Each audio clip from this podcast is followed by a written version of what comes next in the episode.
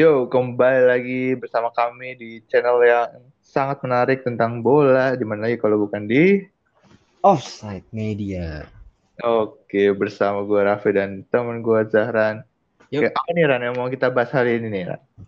Kita mau bahas pertandingan yang kemarin baru aja dilaksanakan. Cukup heboh juga ya. Oh iya, betul. Terutama Walaupun- untuk fans eh, tuan rumah kali ya. Iya, hebohnya di satu sisi aja sih sebenarnya. Iya bener. Gue salah satunya ya sedih kali ya. Pasti sedih. Satunya jadi banget sih. Apalagi Sedih. kalau bukan El Clasico ya kan. Iya.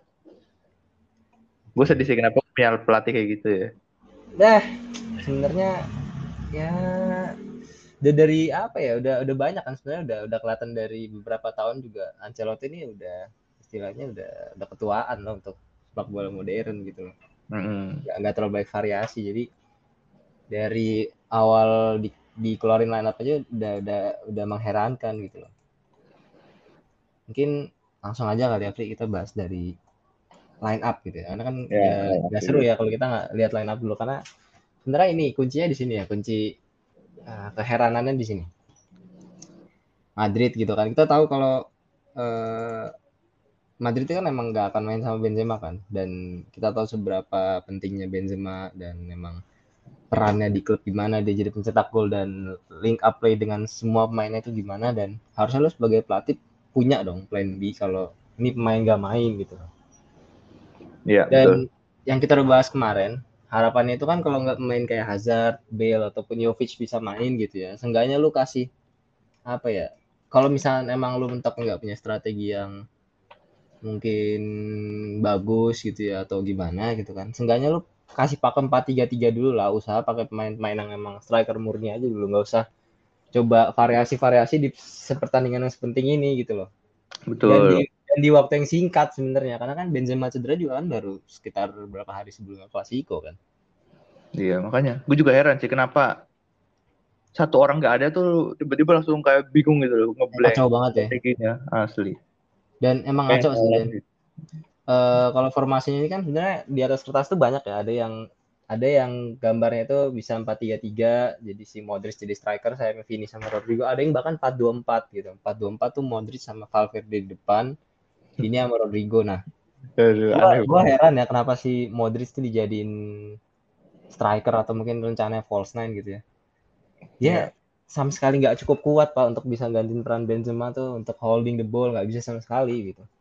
Dan Madrid ini kan mainnya counter ya dan udah kelihatan dari beberapa match pas dari beberapa match-match yang lalu juga yang lima kali Madrid menang terus itu. Mereka main counter emang tapi link up antara Benzema sama Vinicius ini penting banget gitu dan di match kemarin ketika mereka coba main counter Vinicius tuh beberapa kali bisa seenggaknya lari coba gocek di gocekin Araujo dan lain sebagainya tapi di tengah tuh nggak ada orang gitu loh jadi emang nggak ada pemain yang bisa ngebantu dia makanya dia tuh kemarin struggle banget Iya, dan terutama Araujo bagus menit. banget kan Iya. iya di awal-awal menit tuh yang masih Madridnya nyerang terus sampai 20 menit awal. Iya. Dan ada kan peluang Madrid yang bersih itu sebenarnya di menit 2 atau 4 gitu yang Iya. tendangan Valverde. Itu juga tuh sebenarnya kalau kalau emang kita mau lihat lebih dalam Valverde itu sebenarnya agak telat lah itu naiknya. Jadi Vini tuh agak ngedelay sedikit makanya Valverde kan sedang di luar kotak penalti kan. Iya. Karena ngebuktiin kalau sebenarnya nggak ada pemain sama sekali gitu loh di dalam kotak penalti. Gue nggak tahu apa lu lu nggak mikir kalau misalkan main lu udah main terlalu sayap udah terlalu nyayap gitu ya terlalu lebar lu kan tetap harus punya pemain di tengah dong. Lu nggak bisa nggak ada nggak ada pemain itu dan Modric nggak ada di situ gitu loh Kata gue tuh terlalu ketarik sih. Jadi kan 4-2-4. Itu pada ke flank semua gitu. bisa jadi makanya Flank kanan, Makanya flank kiri. tengahnya tuh kosong pak Tengahnya bolong karena tengahnya pun eh, midfieldnya juga di apa holding midfielder semua dua-duanya. iya Casemiro Cruz Cruz juga sebenarnya nggak cocok sih untuk coba ngepres gitu ya kemarin tuh ada sempat beberapa momen sebelum babak pertama jadi yang jadi holdingnya itu Casemiro sama si Valverde yang ngepres tuh Modric sama Cruz ini kan nggak cukup cepet ya buat bisa ngepres ya? Nggak cukup kuat juga. Itu kan aneh banget pak. Apalagi Aneh banget, ngepres. Barcelona gitu loh yang Eh, ibaratnya lu dikucing-kucing dikucing-kucingin kalau kayak gini. Lu disuruh ngepres Pedri, Pedri tawa gue. iya nggak bisa. Dan sebenarnya rencananya bagus sih dia masang Valverde jadi pemain mungkin yang uh, pemain paling deep atau pemain yang ada di tengah gitu. Karena emang setiap kali mereka counter, kalau emang mereka bisa main galong ball yang bawa bola ke depan tuh pertama sih Valverde karena emang dia punya kemampuan untuk bisa ngebreak midfielder dan backnya dengan kecepatan dia dan dribble. Cuman itu juga nggak terjadi secara secara terus menerus gitu loh. Jadi ya sebenarnya ampas aja ini taktik. Kalau menurut gue emang apa ya yang di pikiran Ancelotti itu Barcelona bakal main build up dari bawah gitu. Jadi slow build up. Jadi makanya mereka mau ngepres Pique, ya. mereka ngepres uh, back-backnya itu. Padahal terjadi Barcelona itu yang sekarang mereka kan punya pemain-pemain cepet ya. Apalagi yang dipakai tuh tiga pemain cepet gitu. Ada Dembele, ada Aubameyang di depan. Yang kalau lu kasih get in behind bolanya gitu ya. Ada hmm 20 meter di belakang back terakhirnya Madrid tuh masih bisa dapat gitu. Iya. Dan itu yang terjadi kan juga sebenarnya gol-golnya gol-gol yang build up cepet kan. Kalau iya, build up cepet. Hmm. Ya, banyak satu, banget heading kayaknya ya satu heading sih saya mainin space. Jadi mainin space. Lu nggak bisa, lu udah salah dari awal sih untuk asumsiin Barcelona yang sekarang tuh kayak Barcelona Pep gitu yang terlalu uh, apa slow ya build up-nya. Ya. Gue sebenarnya juga berharap tuh yang main tuh kalau enggak tengahnya tuh bisa diisi sama Casemiro, Modric sama Kamavinga lah seenggaknya. Nanti biar hmm. depan tuh Valverde lu bisa jadi main yang lebih free roam lah. Jadi lu nggak perlu pakai Rodrigo sebenarnya. Valverde terus striker pasang siapa lah gitu nggak Hazard, Jovic atau Bale baru mainin Vinicius di kiri gitu loh. Nah tengahnya ini kan jadi lebih istilahnya lebih aktif kan. Lu masang Kamavinga di situ kan dia bisa bantu defense, bantu bantu nyerang juga. Terus kalau ngepres juga kan dia yang, yang paling istilahnya paling fit lah untuk ngelakuin hal kayak gitu daripada Cruz atau yang lain gitu loh. Jadi nggak kosong juga di tengah gitu. Iya benar. Lagian si Asensio kenapa nggak dimainin ya? Asensio tuh walaupun ya Asensio tuh biasa aja, cuman dia bisa nyetak gol dari jarak jauh. Iya iya. iya. Masih gitu loh. Kenapa nggak dimainin? Itu masih masih ini ya, masih cocok ya sama gaya main sepak bola yang pragmatis nggak ada sistem yang crossing crossing atau nggak shooting shooting jarak jauh gitu kan iya. cari gol jatuh dari cari gol jatuh dari langit gitu Maksudnya lu mau berharap gol dari VD Valverde mana bisa ya, ya.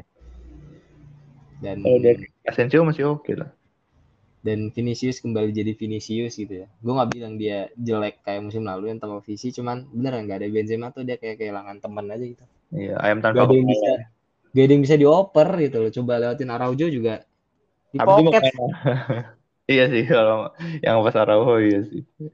Itu gila tuh bener-bener bener-bener dikantongin itu Vini tuh. Gak bisa ngapain Pak asli. Dari speed kalah, dari body kalah semua udah kalah gitu. Iya. Kasihan banget ya sampai terakhir dia mau coba diving gagal terus masih protes lagi. Iya marah-marah. Bener-bener Vini tuh kemarin kelihatannya ya, karena marah-marahnya itu doang udah sisanya di pocket dia marah. Desperate banget ya sebenarnya ada sebenarnya kalau kita ngeliat Ancelotti lagi ada yang lebih buruk lagi babak kedua ini yang sebenarnya lebih gua lebih mengherankan buat gua gitu Nah betul. Kan lu kebobolan dua gol ya di half time dan lu kalau misalkan jadi pelatih lu kan harus lihat dong gol kayak gol dari tim musuh kayak gimana. Iya, biar lu mayoritas. Ya. Iya, mayoritas bahkan gol dari Barca itu kan bisa dibilang mereka emang main bagus tapi kontribusi terbesar juga dari backnya yang antisipasi salah gitu loh. Hmm. Jadi tahu kadang kecolongan lah, kalah duel, kurang cepat, Alaba juga uh, mau nyundul nggak nyampe dan lain-lain. Dan itu di belakang disisain dua doang loh. Ya, makanya. Kadang tuh bisa dua gitu loh dan lain sebagainya. Dan dan emang di babak pertama tuh gue setuju sama komentator La Liga juga. Sempat ngomong kalau emang ini Madrid sebenarnya dari awal di atas kertas secara individu kualitas juga udah kalah sih. Kita lihat Nacho sama sekali nggak bisa ngimbangin Dembele gitu ya. Auba pun Auba pun kayaknya leluasa banget gitu loh di antara Militao dan Alaba dan Carvalho juga nggak kelihatan gitu loh. Jadi emang udah kalah gitu. Dan tiba-tiba babak kedua lu ngubah rencana lu Carvalho dikeluarin sama Cruz. Gue kan berharap Carvalho diganti siapa gitu kan. Seenggaknya fullback yang lebih cepet lah atau siapa gitu. Nggak taunya dikeluarin, lu ngubah skema lu jadi tiga back gitu loh. Tiga yeah, back lu keluarin, lu masukin kalau enggak. Ya kan lebih rentan lagi dong.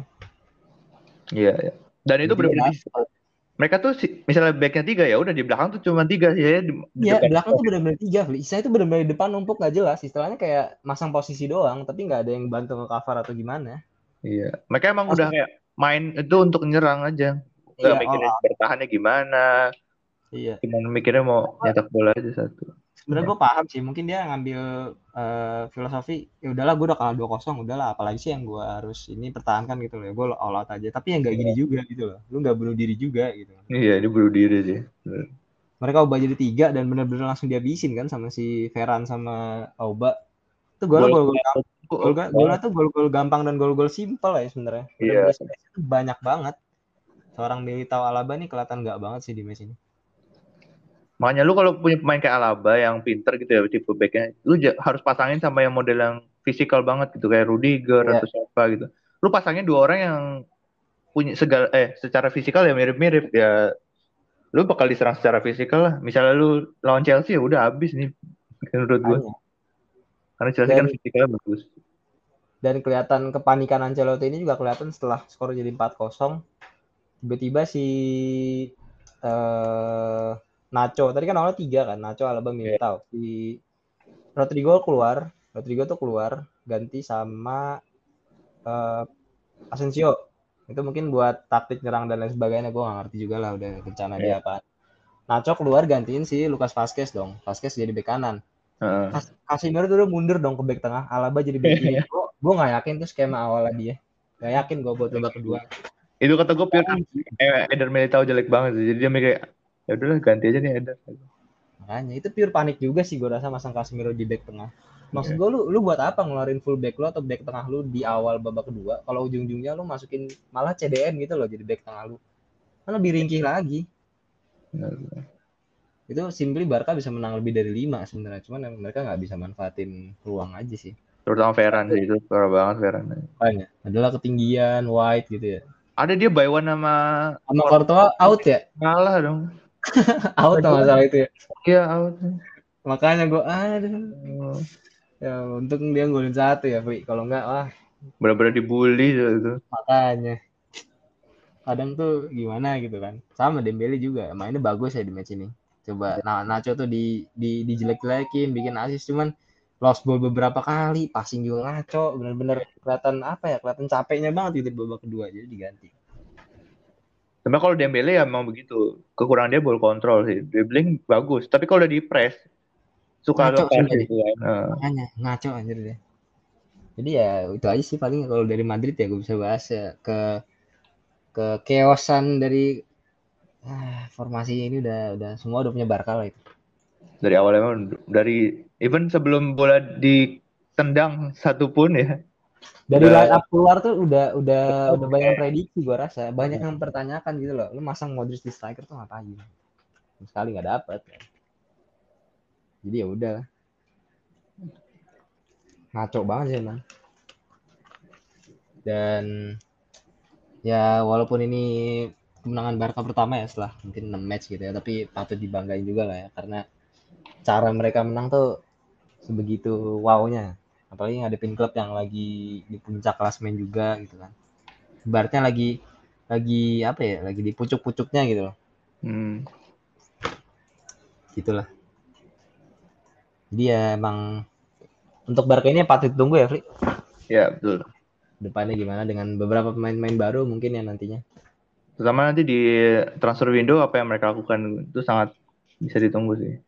ya ya kabarnya ini ya si Frank Casey itu udah udah ada sepakat juga. Jadi itu bisa jadi tambahan buat lini tengah juga dan Dembele bisa jadi nggak diperpanjang loh walaupun setelah beberapa match dia main cukup produktif gitu. Rencananya mau ambil Rafinya dari Leeds United. Ya. juga gitu. Dan mungkin bisa juga main-main gratis lainnya gitu. Kan mereka lagi ngincer main gratis kan? Nggak tahu di Bala kan gratis ya. Mau dibeli nggak ya? Nah itu dia. Dybala banyak sih sebenarnya. Chelsea terutama tuh. Pemain dari Chelsea itu sebenarnya bisa-bisa aja.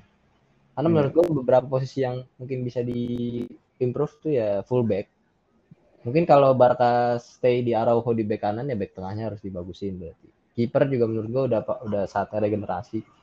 Sama Iya, udah. Busquets paling. Sisanya ya Ya, sisanya tinggal Back sisa aja dipakemin back tengah gitu. Terus katanya Messi gimana nih? Messi kan kabarnya Barcelona membuka peluang untuk Messi balik kan. Nah ya itu juga sempat jadi rumor ya karena dengan segala kekacauan si PSG sekarang bahkan Messi Oh. dibu dibu kan ya di match terakhir dan gua nggak tahu apakah Messi pernah di seumur hidupnya gitu masuk ke dalam momen yang struggle yang seperti ini gitu dan ada rumor ada sih Messi bisa jadi balik tahun depan cuman gua nggak tahu ya cocok nggak tuh? Gimana Flynn menurut lo kalau Messi balik? Kalau menurut gue Messi kalau mau balik ya dia harus sadar dan uh, Messi juga dikasih apa ya sama treatment ya ya udah masa lu tuh sebagai striker udah habis gitu. Emang lu tuh sebagai seorang yang ngasih asis aja gitu. Jadi AMF Playmaker lah, playmaker bener dia bisa ngancurin obrak-abrik pertahanan lawan tapi dia jangan disuruh lari, disuruh nyetak gol iya gitu. iya. Karena udah udah ada sih emang udah nggak kelihatan lagi itu di PS decision makingnya juga udah nggak setajam dulu. Iya, benar. Kalau gua kalau gua gimana ya? Kalau gua mungkin ngeliat lagi ya. Pertama, kita kan ngomongin Messi gitu kan ya. Siapa yang nggak mau nolak Messi? Siapa yang yang nggak mau Messi gitu loh. Iya. Kita pemain terbaik dunia dan lain sebagainya gitu kan. Cuman ngeliat eh, tim ini sekarang dengan semua komposisinya menurut gua udah nggak perlu Messi lagi sih sebenarnya. Ya betul. Mungkin kalau datang Messi juga jadi malah penurunan ini ya semangat Iya. juga dari anak-anaknya yang Takutnya muda-muda. tuh malah jadinya kayak beberapa tahun yang lalu lagi semua Messi lagi, Messi sentris lagi gitu loh. Kalau ini kan Iya. benar-benar semuanya bermain gitu. Benar-benar sistemnya based on all the players gitu. Bagus gitu. Walaupun mayoritas ke Pedri-Pedri juga kan bolanya. Iya. Tapi akan pasti punya satu orkes orkestrator juga di situ. Jadi gimana? Karena nggak nggak mungkin lu main kayak perfect system kayak City, maksudnya yang benar-benar harus semua orang harus ada di, di posnya masing-masing gitu. Iya. Udah nggak bisa gitu. Benar-benar. Bahkan ya, Pep pun sebenarnya agak mengubah caranya ya. Pep. Agak kompromi juga gitu dengan datangin Grealish kan berarti kompromi dengan sistemnya. Iya, sebenarnya sih iya. Dia mungkin butuh variasi juga kali ya. Iya betul karena oke lah gue paham itu maksudnya Pep itu kalau lu selalu dribbling dan lu tahu posisi lu di mana ya lu punya sistem yang bagus kan. Cuman saat sistem itu nggak berjalan mungkin karena lawan lu terlalu low block atau terlalu bagus defense ya lu nggak punya plan. B. Benar-benar. Dan tipe Grealish ini kan tipe yang bisa gocek buat tarik main lawan dong. Terus jadi ada space di sisi-sisi dan emang cukup asing buat Pep juga sih. Buat main-main yang suka gocek, banyak kan megang bola dribble kayak gitu sebenarnya Ya. sangat bukan dia. Walaupun Messi sebenarnya gocek juga cuman goceknya bukan bukan yang kayak Grealish gitu yang pace Iya. banget Iya. Dia modelnya benar-benar. eh, dribbling gitu bukan pace. Oke. Apalagi ya, Fli? Udah lah ya kayak kalau bahas El Clasico ini ya. Ya, Intinya semua kekacauan ada di sisi Madrid ya betul. dan kita tunggu dari sisi Barca itu aja. Ya intinya ini kan kayak pembalasan aja ya Barcelona belum pernah menang sama Madrid lagi semenjak yang tren ke keburukan itu. Iya, semenjak 5 match kalau nggak salah. Ya lima match ini lima kalau salah bahkan. nggak pernah sekalinya sekali menang kayak dahsyat banget ya. Caranya tuh benar-benar wow banget buat Bahkan buat Safi bahkan Safi pas Apa? udah 4-0 pun dia merasa kayak mana aku nggak bisa gol lagi nggak marah gitu. iya kan masih pengen kan gol. Masih pengen gitu. Sebenarnya bisa aja loh ini sebenarnya kalau kalau mau dibikin 5 atau 6 tuh bisa banget cuman mainnya tiba-tiba jadi mandul aja depan gawang Dembele itu ada peluang depan gawang malah jatuh dia kepleset tuh gue ingat banget. Hmm, Militao tuh yang jaga Militao tuh juga ke keteteran banget tuh dia. iya. Kacau deh backnya emang tuh. Madrid harus beli back sih. Menurut gue sih mereka coba Alaba tuh menurut gue balikin aja ke sisi kiri karena kan Mendy ini kan cenderung sering cedera juga ya. Terus Iya. cari aja back, back tengah lagi satu gitu. Marcelo soalnya udah udah bisa dikonfirmasi kalau gak, gak akan diperpanjang juga kontrak. Hmm. Mau ke mana dia rencana? Brazil lagi ya? Eh balik ke Brazil sih.